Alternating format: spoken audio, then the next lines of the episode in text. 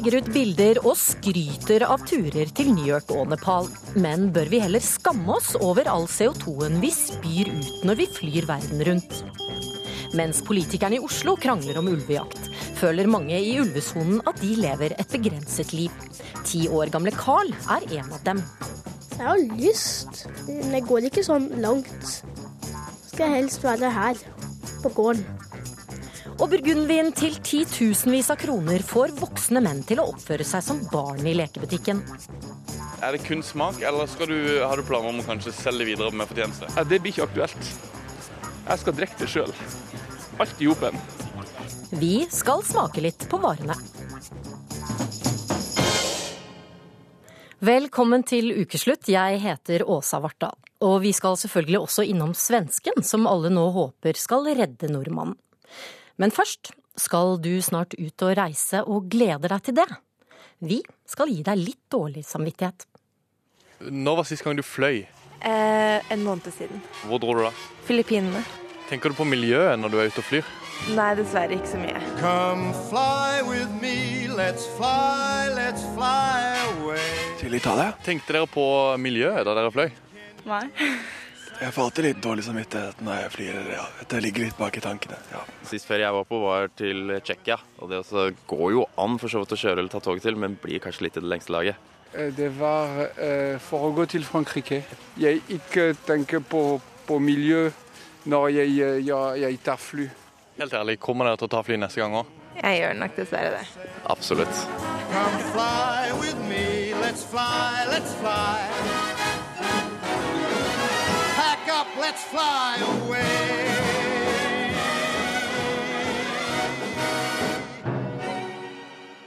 Vi kan resirkulere plastflasker og sykle på elsykler til vi stuper. Unner vi oss noen ekstra flyreiser i året, så havner vi så langt nede på minussiden i CO2-regnskapet at ingenting vil få oss opp igjen. Den introen har jeg rett og slett stjålet fra din artikkel i nettmagasinet Harvest. Torbjørn Ekelund, du er journalist og forfatter. Hvorfor vil du at vi skal ha dårlig samvittighet når vi bestiller oss en flytur? Eh, altså Jeg vil at vi skal ha litt dårlig samvittighet, fordi vi har fram til nå hatt så veldig lite dårlig samvittighet for akkurat det. Mens vi har vært opptatt av mange andre ting knytta til miljø og klima, så er akkurat flyreiser virker å ha vært en slags sånn blindsone i vår bevissthet. da. Og dette har vi skrevet om hele uka på nettmagasinet Harvest. Og det er litt fordi det også har gått opp for oss i det siste at, eh, at fly er viktig å å liksom passe på å redusere. Men hvor viktig, hvor ille er det å, å, å fly?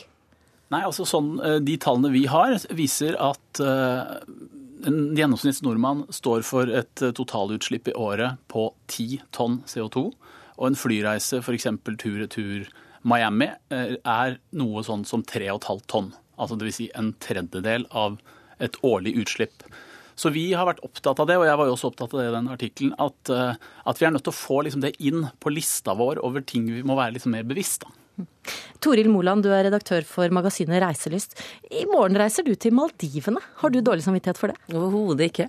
Hvorfor ikke, når du hører hvor mye du plusser på klimaregnskapet ditt? Nei, jeg tenker i, i bunn og grunn så må vi, må vi se Vi alle er enige om at utslippene av klimagasser er altfor høye. Men jeg mener at det å single ut flyreiser ikke er riktig og ikke hensiktsmessig. Så kanskje vi skal liksom få litt fakta på bordet først. Fordi globalt så står flyreiser bare for 2% av klimagassutslippene. Mens bil og kuer som raper eh, og produserer det kjøttet vi spiser, de står for over 10% hver. Ekelund, har du, har du, fokus feil sted? Nei, det... det, for dette er jo helt klassisk. Det er jo det som skjer hver gang. Det er jo helt riktig at 2% flyreiser står for 2, for 2 av det tota-, totale utslippet i verden. Men nå er det sånn at det er bare 5 av menneskene i verden som flyr, eller noen gang har flydd. Og hvem er det? Jo, det er de rike, og det er oss. Og så er det helt riktig at kjøtt representerer en betydelig eh, del av dette. Eh, forbruket av varer representerer en ekstremt stor del av dette. Og så er det det med bilkjøring. Men det som er felles for alle disse tingene, det er jo at forbruket er så stort. Det er enormt, og det skyldes jo at flyprisene er lave. Men jeg tenker det er en veldig stor forskjell på flyreiser og som du sier, kjøtt, og ikke minst varer og bil. Og det er at Det er hevet over enhver tvil at det som venter i den andre enden av en flyreise, er positivt. Vi bidrar med økonomi i de landene vi flyr til, og noen steder er det helt essensielt at vi gjør det, sånn som Gambia f.eks. 40% av inntektene til Gambia kommer fra turisme. Nepal etter jordskjelvet sa det selv, de vil mye heller ha turister enn å ha bistand. Men Kan jeg bare få lov å kommentere det? For det, det er ikke sånn at nepalesiske familier er avhengig av at familier fra Gjøvik flyr til Katmandu for å gå i Himalaya. Det er et resonnement som er eh, Det er et, på mange måter et resonnement som er til for å beskytte oss. For at vi skal slippe å forholde oss til det faktum at vi nå lever i en verden hvor folk flyr til Edinburgh for å kjøpe seg nytt slips, eller hvor, hvor venninnegjenger som ikke har sett hverandre på en stund, avtaler at de skal møtes i Madrid. ikke sant? Hvordan er det, altså det er jo en del reiser som, som vi kanskje må ta med jobb og, og diverse. Men er det ikke sånn at man, noen reiser kan man kanskje tenke seg om et par ganger før man eh, tar? Ja, og da tenker jeg, og det har vi også fokus på faktisk, for du kan tenke deg om. Du kan velge. Vi flyr til Trondheim for å besøke bestemor, og vi flyr til Edinburgh på masse venninneturer, som du sier. Du får ikke folk til å ta tog til Thailand, men du kan faktisk ta toget når du skal besøke familien din. Så det er visse ting man kan gjøre uten at man blir utrolig moralistisk, og folk bare lukker ørene og sier det, det, det, det, jeg orker ikke å høre på deg. Men det jeg har vært opptatt av i min kommentar, er jo at selve vanen, selve forestillingen om at vi i hele liksom, menneskehetens historie så finnes det nå noen individer i det lille landet Norge som innbiller seg at de må fly rundt hele jordkloden hele tiden for at de skal kunne liksom, realisere sitt store potensial som mennesker. Og det Jeg er jo en av dem, men det er på en måte pinlig. Eh, Og jeg tror at veldig mange mennesker, eh, altså som meg, og som dere antagelig, ikke tenker på det. Men når man først tenker på det, så ser man også litt sånn hvor grotesk det i en viss forstand er, da. Men, vi men, men sånn. vi flyr jo nå mer enn noensinne. Tall fra Avinor viser at vi i 2002 tok 8 millioner turer til utlandet, men, og det tallet har nå mer enn doblet seg. Alle piler peker oppover. Er det noe håp om å kunne snu den trenden? Hvordan skal man gjøre det? Jeg tror det, for jeg tror at det er noe av det samme som eh, På 80-tallet kostet det masse å fly. ikke sant? Så hvis man skulle et sted og skulle fly, så vil man ta økonomien inn i betraktningen. Eh, Man fløy hvis man hadde råd til det, og man begrensa det til noen få ganger eh, i året, eller for den saks skyld i livet. Jeg tror at klimadimensjonen må bare inkorporeres i den vurderingen.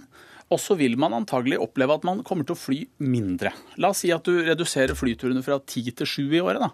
Men jeg tenker at det er ikke noe mål i seg selv. Eh, Fordi det å fly har så utrolig mange positive eh, bivirkninger. Vil det si at vi bør fly mer? Jeg synes vi kan, eh, Det man må satse på Vi kan godt fly som vi gjør. Jeg syns ikke vi skal gi folk dårlig samvittighet for at de flyr. Verken jobbreiser eller eh, på ferier eller dannelsesreiser eller hva de tar. Men vi er nødt til å tenke på forskningen. Det finnes måter å gjøre det på. Bransjen selv ønsker å bli klimanøytral, og det er det de jobber mot. Men de har ikke blitt det ennå. Nei, men målet De har, er, de har redusert ganske mye. Det kommer an på selskapet. ikke sant? Sånn som Norwegian har vært veldig flinke. De er ikke klimanøytrale når vi lever. De er ikke Og det når vi lever, men jeg tenker at man må heller legge fokus på forskning. Så du mener at det er bedre at vi tenker på hva forskere om 30 år muligens kan utvikle, Ikke om 30 år, dette må de jo begynne å jobbe med nå. Ja, de har begynt å jobbe Ja, de har begynt å jobbe med det, men Skipsindustrien er kjempeflinke. Vi Men- får men hør her. Hør her. Du har mange fine eksempler, men mener du at vi skal lene oss på hva forskerne en gang i fremtiden kanskje får til, enn at vi skal liksom selv tenke på hva vi gjør akkurat nå? Jeg tenker at forskerne er på veldig god vei når de har funnet opp et fly som bruker 20% mindre eh, drivstoff enn det de forrige flyene gjorde. Så, Altså, så da er du nede i 2,7 tonn CO2 hvis du flyr til Florida, da. vi kommer aldri til å ha en klimanøytral verden. Men kan hver av oss hjelpe til ved å kanskje få litt dårlig samvittighet når vi bestiller den turen til, til Maldivene? alle sammen, kan, alle sammen kan bidra, alle sammen kan gjøre, men jeg tenker at man må være realistisk, og så må man snakke til folk på en måte som det gjør at de gidder å høre på deg. Så jeg tenker at ja, du kan gi dem tips til hvordan de kan gjøre, droppe en korttur, ta én norgesferie, eh, eh, tenke på at de bør ha en kjøttfri dag og sykle til jobben én dag i uken, det er realistisk. Men å si at du får ikke lov til å dra til Thailand, for da, da er du dannelsesreiser og overlegen og rik fra Norge, det hører de ikke på, rett og slett. Nei, men jeg tror de kan høre litt på det. Jeg mener at, jeg, mener jo jeg sitter jo ikke her og sier at folk skal slutte å fly eller dra på ferie. Jeg skjønner veldig godt at folk vil det. Jeg har vært på ferie mange steder i, i verden selv. Jeg kommer sikkert til å fortsette med det, men jeg tror bare det at eh? Nå er det sånn at I sosiale medier så legger folk ut bilder av at de er overalt. Det vil si at det de ser for seg at budskapet er, er se på oss, vi er suksessrike, vellykkede mennesker som reiser rundt i verden fordi vi er så interessert i verden og sånn. Men man kunne sett for seg at budskapet var det motsatte. Altså vi er noen som ikke bryr oss om at vi alene representerer et så stort utslipp av CO2. Og jeg tror at, som jeg også skriver i den kommentaren min, at endringer kommer jo ikke av at vi pumpes fulle av tall, eh, som forskerne har kommet med, men det kommer jo av at man på et visst tidspunkt føler seg dum, eller føler seg litt sånn ille til mote. Og hvis det skjer, da, da tror jeg at vi kommer til å få en sånn liten endring i det. Men, er men, sånn helt, til, men helt, til slutt, helt til slutt bare, du, du skriver at vi må ikke fly like lite som må, vi må ta en rakett ut i verdensrommet. Tror du noensinne at vi, vi kommer til å komme til den erkjennelsen? Nei, jeg tror ikke vi kommer til å slutte å fly, men jeg tror vi kommer til å fly mindre. Og jeg er ganske sikker på at forskerne om 200 år kommer til å se tilbake på oss som betalte 126 kroner for en flybillett til, til Krakow, og tenke var de fullstendig gale den gangen. Vi, vi får håpe vi unngår den dommen fra de som kommer etter oss. Takk til dere, journalist i Harvest Torbjørn Ekelund og redaktør i Reiselys Toril Moland. Hadde du gått kveldstur alene i skogen hvis du visste at det var en ulveflokk der? Eller ville du latt barna leke alene ute? Ha oss unnskyldt for å generalisere, men svarer du ja på disse spørsmålene, så bor du kanskje i en by eller langt fra ulvesonen. Denne uken har ulven splittet partier og ført til demonstrasjoner for og mot, midt i Oslo sentrum. Reporter Kari Li dro, dro dit hvor ulven bor. Jeg sitter i bilen først, og så går jeg ut. Åpner bagasjeluka for å skal ta ut hunden min. Så den skal få hilse på de hundene som er her, som bor her. Og akkurat når jeg skal ta opp, så kommer ulven hoppende. Kirsten Winge peker bortover den snøhvite veien vest for Osensjøen i Trysil. I går sto ulven der og studerte henne og hunden. Så forsvant den, og så gikk det litt tid, og da kom den tilbake igjen. Så du ser foran grinda der. Det virker som de er vant til folk. De, de føler i hvert fall ikke noe frykt for folk, altså. Du virker litt eh, Hva skal jeg si? Er du litt opprørt? Ja, jeg er, jeg er litt fortvila for uh, grendefolket her, altså. Folk er redd. Det er ikke noe hyggelig å ha sånne ville dyr med den type atferd tett innpå seg. Erna Solberg har nå én oppgave, og hva er det? Det er å sette i gang ulvejakta. Ikke om en måned, ikke om en uke, men nå! Senterpartileder Trygve Slagsvold Vedum holder appell foran Stortinget. Det er mandag og starten på nok ei uke hvor miljøminister Vidar Helgesen får tyn. Da han før jul sa nei til rovviltnemndenes anbefaling om å skyte 47 av de norske ulvene, satte han mange sinn i kok. Lite tyder på at ministeren er tilgitt. Eh, Det er ikke vanlig at Stortinget ber om en annen lovtolkning. Nå har de gjort det, og da må regjeringen følge opp det med stort alvor. Vi kommer til å gå inn i dette med stor grundighet. Og mens Helgesen vurderer ulveforliket en gang til, går det mot vår og nye valper i ulvesona. Så her har den eh, kommet ned, og kommet enten langs riksveien her, eller eh, kommet tvert over. Det, det har jeg ikke funnet helt ut. Erik Ola Helstad fra Statens naturoppsyn finner ulvespor i en snødekt grøftekant ved Osensjøen. Og vi kom jo hit i går kveld. Vi har, vi har ført med nå både i natt og i dag tidlig. Ulven er radiomerka. Det er derfor Helstad vet hvor den er. Og i dag tidlig så møtte vi den opp i en eh, gardsvei her. Potene som har satt avtrykkene, tilhører ulven Kirsten Winge møtte dagen før. Ei ungtispe fra den såkalte Slettåsflokken. Og vi gjorde da et forsøk på å skremme den med litt knallskudd og litt uh, leven. Og i håp om at han skulle ta bena fatt og komme seg litt unna. Det har han for så vidt gjort. altså Han har strøket vekk noen kilometer nå. Er det mye eller lite ulv her i Trysil? Eh, Trysil har jo litt uh, ulv nå. De har jo, eh, blant annet så har de jo Slettåsflokken her, og vi har jo en, en flokk uh, lenger sør. Så tryslingene har litt ulv nå. Det blir jo sagt at ulven ikke skader mennesker, at den har lite skadepotensial. Hvorfor skal dere da skremme den? Nei, Det er for at eh, folk har jo eh, gitt tilbakemeldinger på at det de syns det ikke er noe særlig hyggelig å ha ulven så tett på seg, og så tett på der de bor, og så tett på, på gardsplasser. Og det er ikke vanskelig å Det er en, eh, en forståelse som vi respekterer fullt ut. Men har du møtt uh, ulv sånn helt av seg selv? Ja da, det har skjedd uh, flere ganger, det.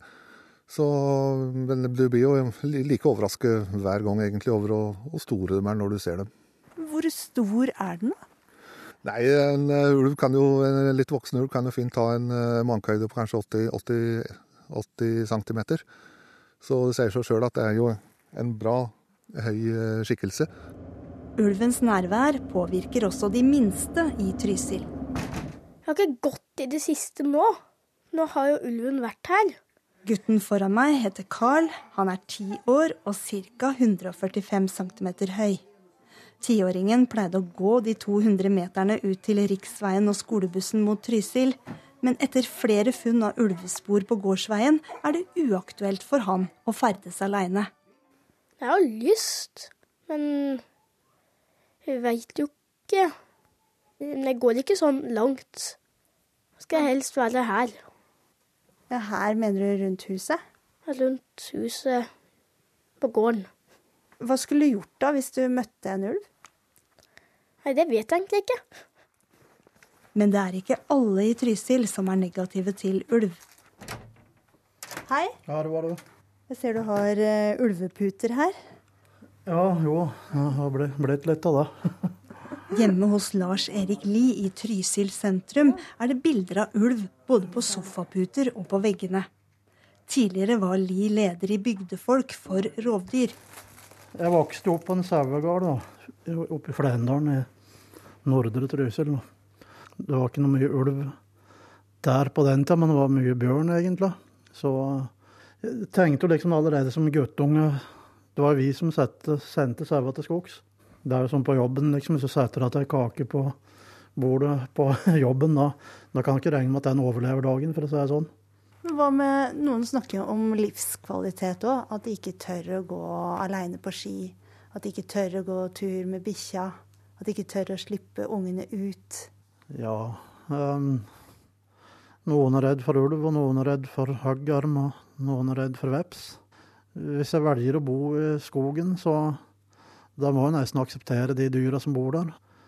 Hvis han ikke klarer det, da, da, da må han enten søke profesjonell hjelp og, og, få gjort noe med de frykter og fobier han har. Eller så får han bare flytte ut, da, hvis han ikke takler å bo her. Um, ja. Kom hit. Du må gå inn, vet du. Kirsten Winge roer ned elghunden Arja, som står bak hønsenetting i hundegården. Eh, akkurat for to år siden så kom det to ulver fra lia og prøvde å bite løs nettingen. Så det er fremdeles bitemerker etter at de prøvde å rive den opp.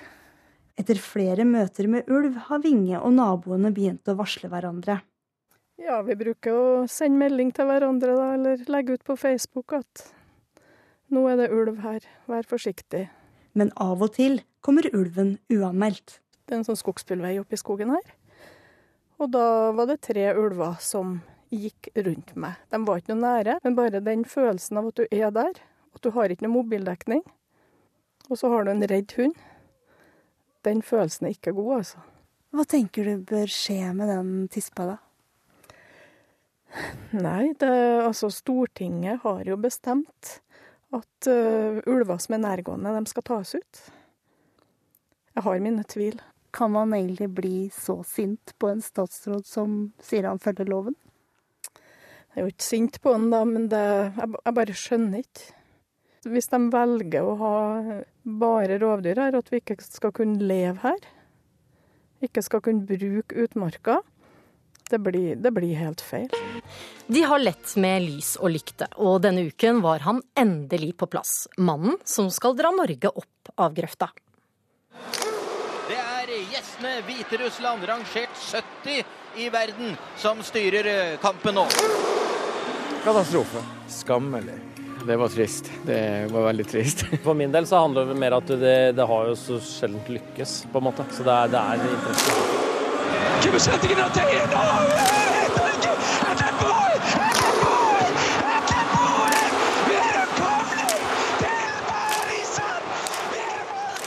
Den islandske kommentatoren var i ekstase da lille Island i fjor sommer kom seg til kvartfinalen i EM, under ledelse av Lars Lagerbäck. Nå er altså håpet at svensken kan gjenreise et norsk landslag som ikke har vært i et mesterskap siden år 2000, og som for øyeblikket ikke levnes mye ære av verken eksperter eller supportere. Og Kristoffer Neby Morønning, du er 13 år, du spiller fotball hver dag som keeper enten på Fornebu SK eller fotballakademiet til Strømsgodset. Hvordan var reaksjonen på fotballtreningen på onsdag da dere hadde fått vite hvem som var blitt ny eh, landslagssjef? Eh, det var egentlig litt deilig å vite, fordi at eh, Per-Mathias har egentlig ikke gjort noe veldig mye bra. Så jeg følte egentlig at eh, det kan være en stor mulighet. Og han har jo hatt flere landslag. Eh, så jeg tror at han kan gi et godt nytte. Men hva kan han gjøre, da? Er det, hvorfor er Lars Lagerbäck riktig mann til å trekke Norge opp fra den 84.-plassen på Fifa-rankingen? Ja, han dro jo Island helt til kvartfinalen i EM i fjor. Uh, han må ha gjort noe riktig, og kanskje det han gjør, kan være en stor støtte for Norge å komme langt. Uh, eller bli bedre, da. Og komme seg foran Færøyene igjen, da. Det er jo Det må jo i hvert fall være et mål. Ja. Frode Lia, du er redaktør i fotballmagasinet Josimar, også du er gammel keeper. Eh, hvilke tanker hadde du da du så at det var Lagerbäck som satt der på pressekonferansen på onsdag? Nei, jeg tenker at uh, det var det aller, aller beste vi kunne ha fått innenfor den Eh, altså de økonomiske rammene vi hadde og de som var tilgjengelige, så var, var, det liksom det aller beste vi kunne få. Men han sier jo da selv at han ikke ser noe poeng i å spille underholdende og attraktiv, attraktiv fotball. Er ikke det et litt sånn tråkig utgangspunkt? Altså, da må man begynne å definere hva underholdende fotball er. Altså, jeg tror enhver islending syns Island spilte underholdende fotball under EM. Eh, på samme måte som vi nordmenn syntes det var utrolig underholdende å slå Brasil. Men, Men vi spilte ikke nødvendigvis så morsom fotball? Nei, altså For det nøytrale øyet eh, så var det jo ikke noe eh, underholdende og pen fotball. Men det å vinne, som er det et landslag skal gjøre, så er det underholdning i seg selv. Fordi fotball dreier seg tross alt om det syvende og sist om å vinne fotballkamper. Men på veldig mange andre områder så sier man jo at hvis du syns noe er morsomt, så blir du ordentlig god til det. Bør man legge om litt og heller sørge for at det, det, det er morsomt å, å spille, og så, så, blir de gode på den måten? Ja, altså Nå har vi jo prøvd å, under P-Mathias Søgmo å spille mye mer attraktiv fotball og, og ha feila, og det er jo ingen som syns det har vært veldig underholdende. Men eh, altså, hvis du spør en av de uh, spillerne som f.eks. spilte under Drillo, da, så tror jeg de aller, aller fleste, uh, minus Myggen og Lars Poen, syns det var utrolig gøy å spille under Drillo. Er det sånn for dere også? Det er viktigere å vinne enn å spille morsom fotball? Eh, litt begge deler. Det er jo morsomt å spille veldig fin fotball. Ett touch i taka hele tida. Eh, og så er det jo veldig gøy å score og så vinne, da. Eh, så jeg syns egentlig begge deler er viktig. Ja. Det er viktig, viktig, å ha det gøy, viktig å vinne. Uh, ja, egentlig det. Altså, det, er, det, er, det, er, ikke alltid det er en motsetning å spille underholdende fotball og spille pragmatisk og ønske å vinne. Eh, men eh, altså dette med å spille pen fotball, da, eh, hvis vi kan kalle Barcelona da, for en definisjonen på pen fotball, så er det også veldig kulturelt betinga. Altså hvis du hadde vært trener i Barcelona og begynt å spille langballer, så hadde du hatt sparken dagen etter. For der er også måten å vinne på er også viktig. Mm. Mens Men, eh, for Island så er det selvsagt noe helt annet. Men det han har å jobbe med Kristoffer, når, eh, når de trøyene dere har, står det navnet til norske landslagsspillere på de trøyene? Er det de som er de store heltene deres? Nei, det er det ikke. Det er eh, de store heltene for oss er jo de største spillerne i verden. Paul Pogba, Lionel Messi, Cristiano Ronaldo, Neymar ja, de store spillerne der. Eh, sånn som Per Siljan Skjelbred. Det er sjelden du ser det, egentlig. Men hvorfor det? Hva skal til for at dere faktisk begynner å løpe rundt med trøyer med navnet til norske landslagsspillere på ryggen? For f.eks. at de klarer å gjøre noe bra, da. For at du, du vil eh, liksom ikke gå med noe, noe som ikke er så veldig bra, da. Sånn som Norges landslagsdrakt og ligge bak Færøyene. Det er ikke noe spesielt å være stolt av det. Det er liksom noe du må føle at OK, dette er jeg stolt av. Dette vil jeg ha på meg, ikke sant. Det er liksom sånn du er da, når du er barn, ungdom. Du har på det som er kult, nytt. Men de levnes ikke mye ære, og i går så satt jo uh, satt de, inkludert uh, Lagerbäck selv, og lo av det norske landslaget. Bør vi slutte å, å le av landslaget og ha litt mer, uh, respektere dem litt mer? Nei, det syns jeg ikke. jo, skal vi, vi, skal slutte å le av dem. fordi Altså, Vi er ikke så dårlige som alle skal ha det til. Eh, på, som uh, motsatt da, så har vi aldri vært så, så, gode som når vi lå nummer to på rankingen. Men uh, for å bare si noe til det med, med navn bakpå på drakta, så Altså, En av verdens aller aller beste fotballspillere er norsk. Hun heter Ada Hegerberg. Og der jeg går, så ser jeg drakter med Ada Hegerberg på, på ryggen, og jeg har en drakt selv. Eh, som draktleverandøren hadde til og med klart å skrive feil navn bakpå, så der står det Ada Hegreberg. Eh, så, og bare Martin Ødegaard kan komme seg tilbake til Real Madrid og få et par kamper fra start der, så vil det frolere med, med, drakter med Ødegaard bakpå. Mm. Du, er det noe som er negativt med den utvelgelsen av, av landslagssjef? Nei, altså, men eh, jeg tror at noen kan være kritisk til at man uh, ansetter en landslagstrener som står for mye av den type fotballen som Drill og Nils Johan Sem sto for tidligere.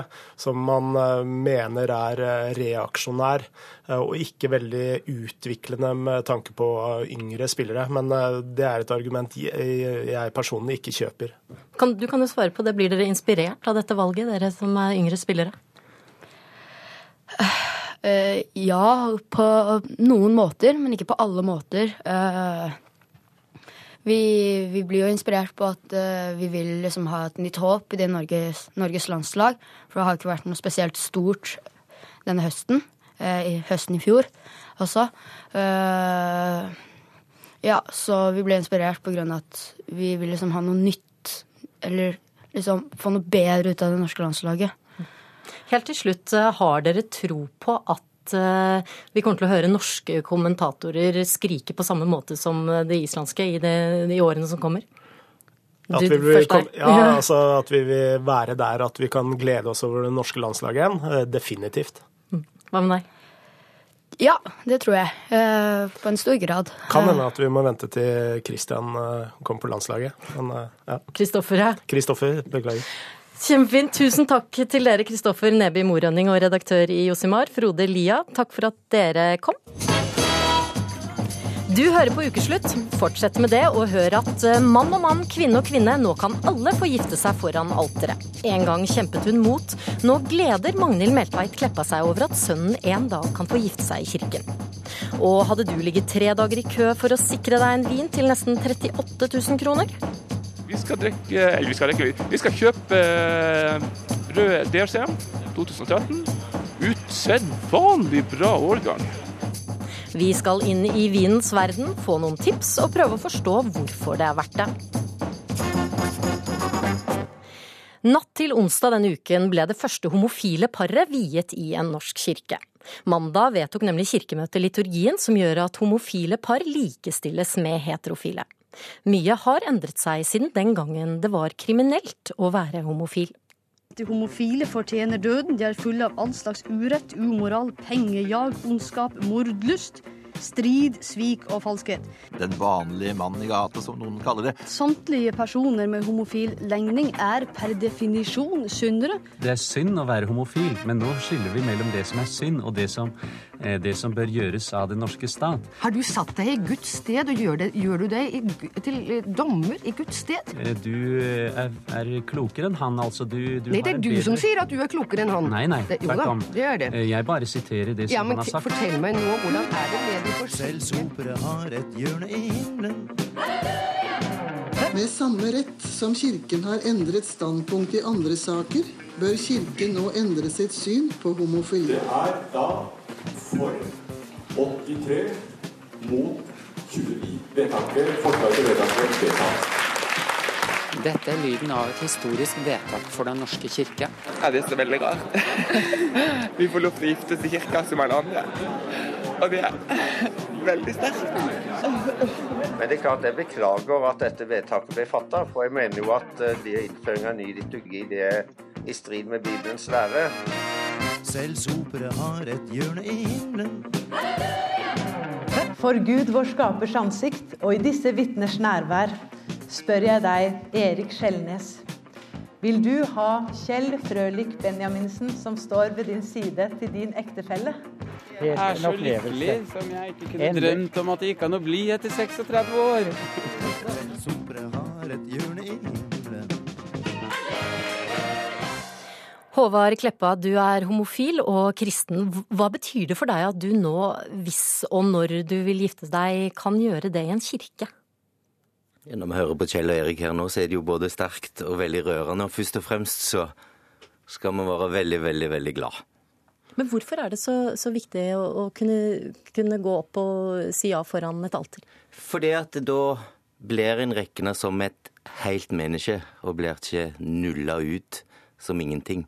En kan gå ragrygga opp kirkegulvet i sin fineste stas og si ja. Magnhild Meltveit Kleppa, tidligere kommunal- og regionalminister og samferdselsminister fra Senterpartiet. Nå er du fylkesmann i Rogaland, og du er moren til Håvard. Hva betyr det for deg at du en dag kan se sønnen din gå opp eh, kirkegulvet og, og gifte seg i en kirke? Ja, Da vil jeg, hvis det skulle være aktuelt, stille opp med den største glede. Jeg vil gjerne følge eh, Håvard opp den dagen. Men du har ikke alltid ment dette. I valgkampen i 2005 så lovet du velgerne dine at du skulle kjempe mot ekteskap for homofile. Tre år senere så snudde du etter samtaler med Håvard. Hva var det som fikk deg til å snu den gangen? Ja, Det var jo først og fremst dette at det gikk opp for meg. Dette handler om likeverd. Det handler om å bli regna for like mye været som andre. Hva var det du sa for å overbevise henne? Ja, nå husker jeg ikke det ordrett, for vi hadde jo mange samtaler.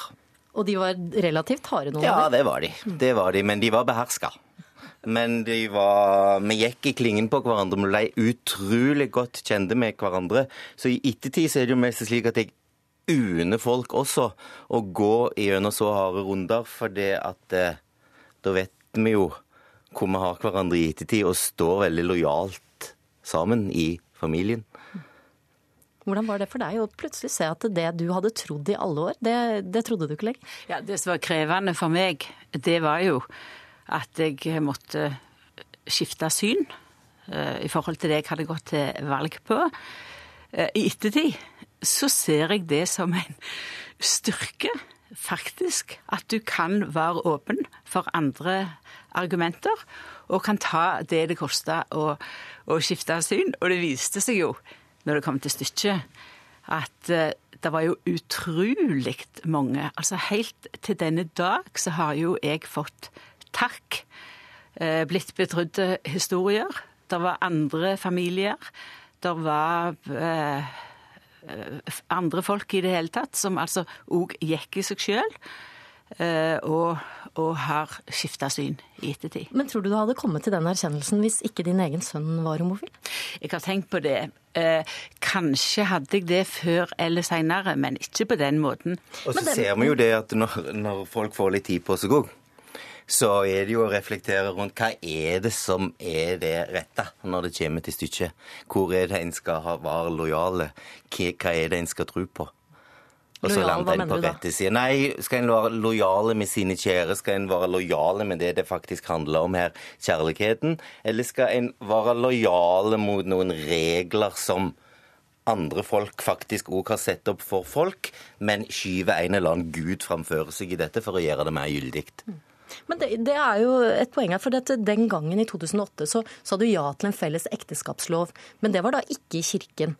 Nå kan homofile par vies på samme måte som heterofile par i kirken. Har du måttet gå noen ekstra runder som kristen for å nå synes at det er greit? Nei, faktisk ikke. Det var jo en debatt som eh, var oppe allerede da.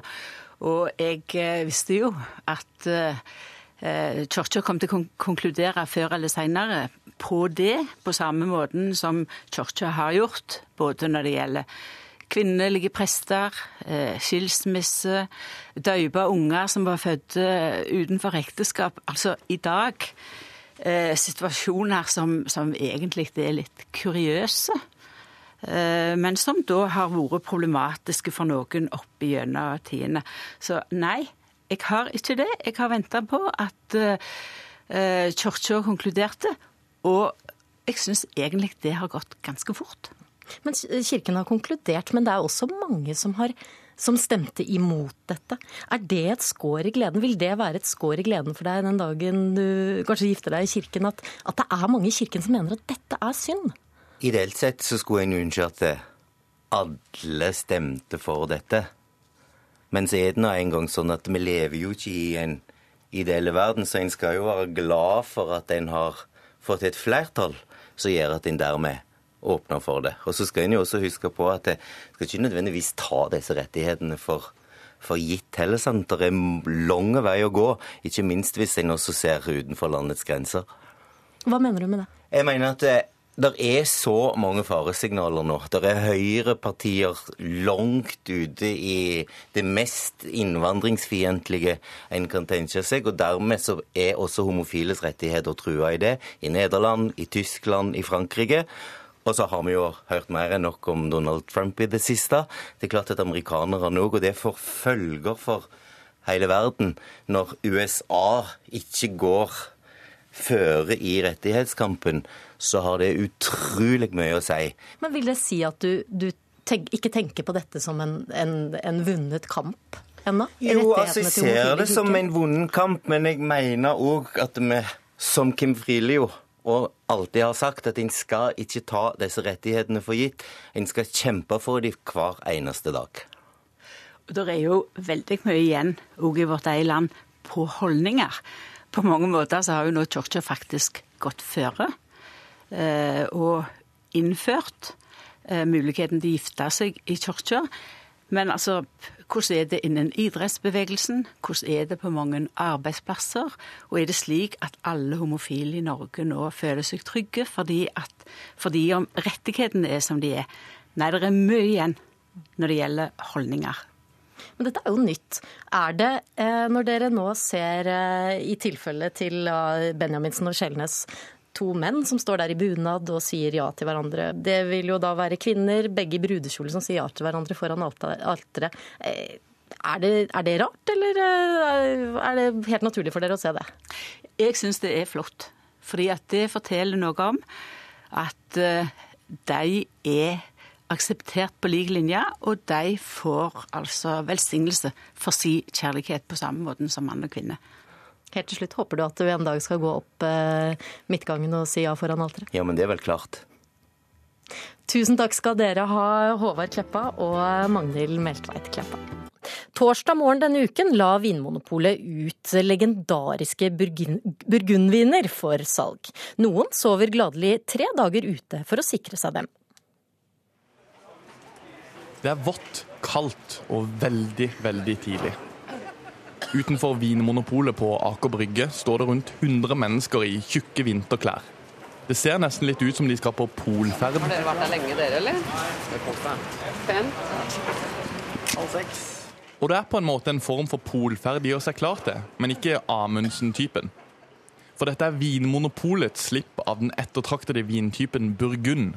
Og den er visst verdt å vente på. Jeg bare venter her i tre dager, og det er ikke så mye. I fjor var jeg her i fem dager. Vinentusiast Bjørn Håvard Larsen har reist fra Trondheim for å kjøpe vin. Og ikke hvilken som helst vin. Vi skal, drikke, eller vi skal, drikke, vi skal kjøpe eh, rød DRCM 2013. Og skal kjøpe hvit 14 og hvit 14 fra Bourgogne. Det er en usedvanlig bra årgang. Rett og slett. Er det kun smak, eller du, har du planer om å kanskje selge videre med fortjeneste? Ja, det blir ikke aktuelt. Jeg skal drikke det sjøl. Alt i hopen. Eller ikke, ikke hele flaska, da, men Men nå er det bare én time til dørene åpner.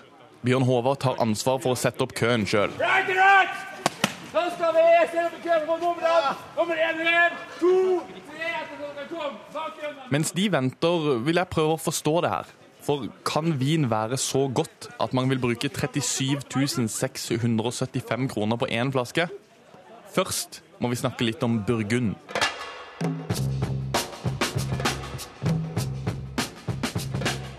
Burgund er en verdenskjent vintype fra Burgund-distriktet i Øst-Frankrike, og kommer i både rød og hvit. Årgangene er veldig følsomme for vær, annet var det en fryktelig haglstorm der i juni, som har påvirka vinen. Du skjønner åssen detaljnivå vi er på nå, ikke sant?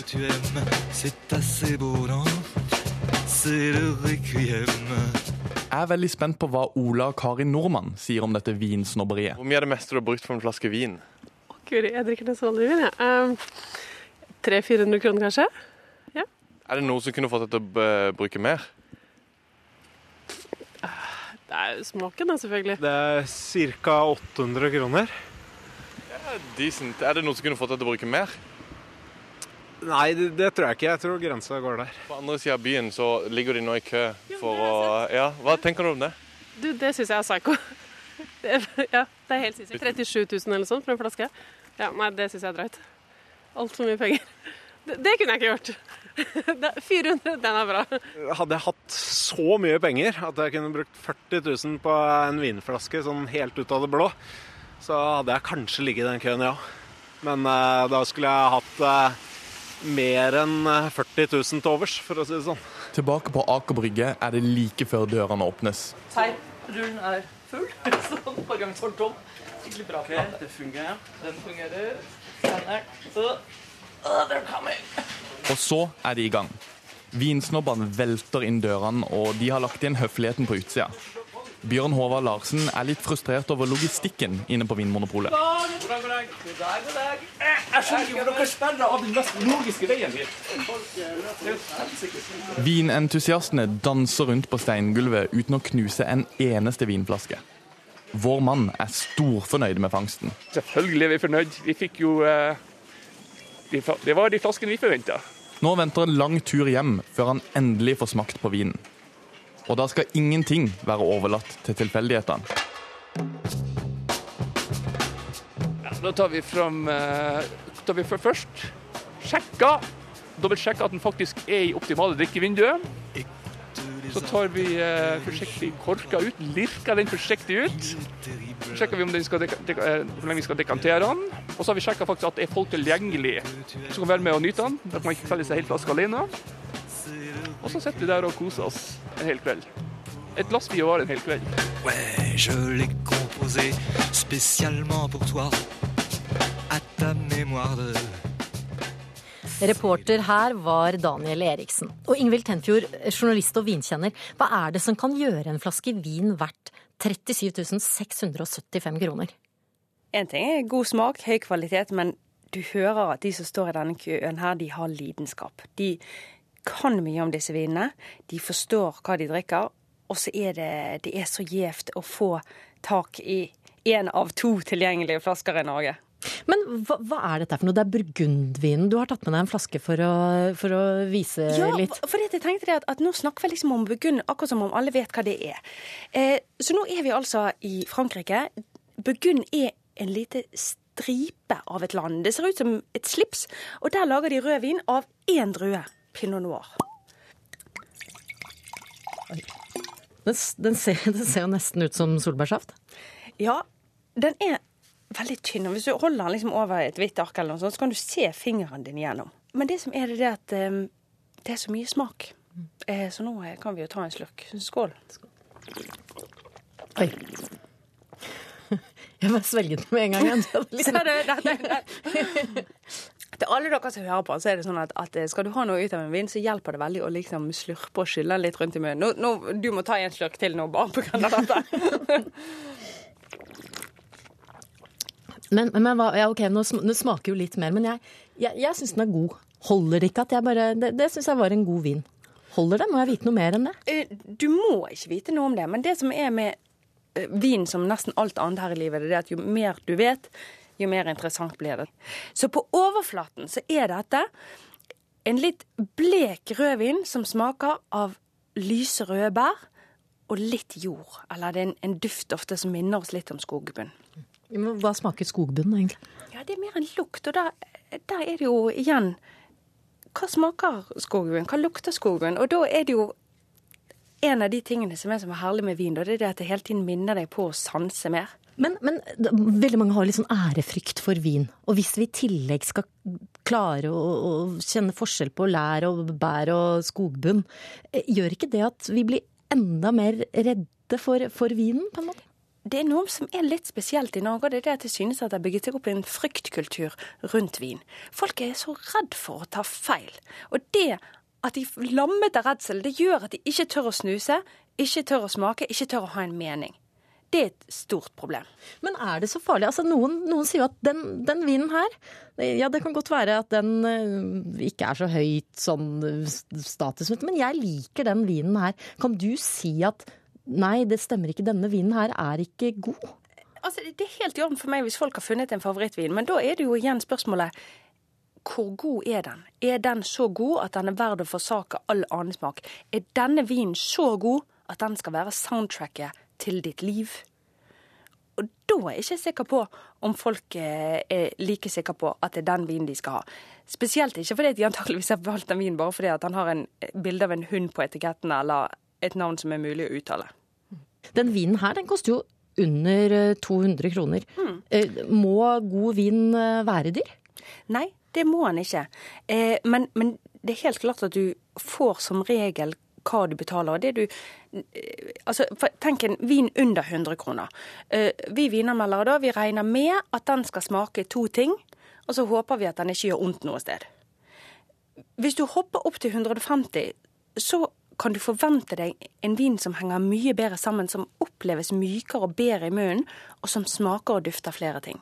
Nå har vi beveget oss opp til rett under 200-lappen. Denne vinen koster 199. Da vil du igjen kunne kjenne hvor i verden den kommer fra. Den begynner å bli tydelig, den lar seg spore. Og så øker vi i pris, og da vil du få flere detaljer, og også lagringsdyktighet. Altså du kan For de færreste vet jo at noen viner kan utvikle seg ikke ulikt et menneske.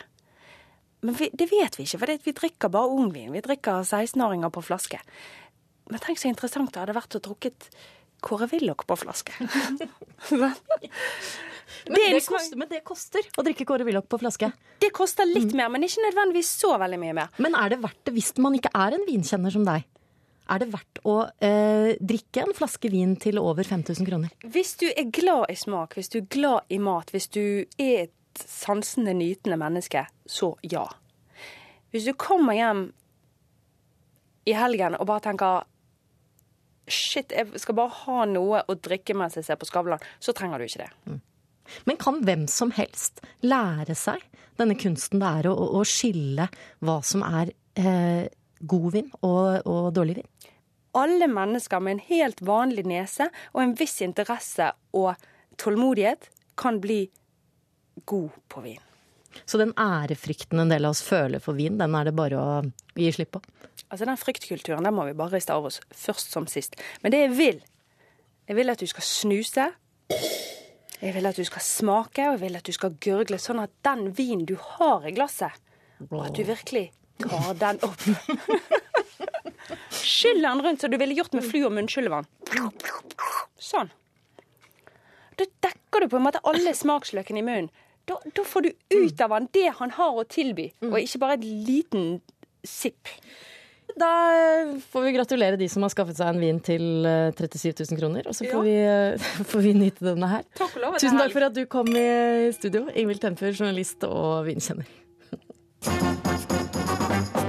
Vi skal fra vin til vær. Statsmeteorolog Bente Wahl, hvordan blir været denne helgen?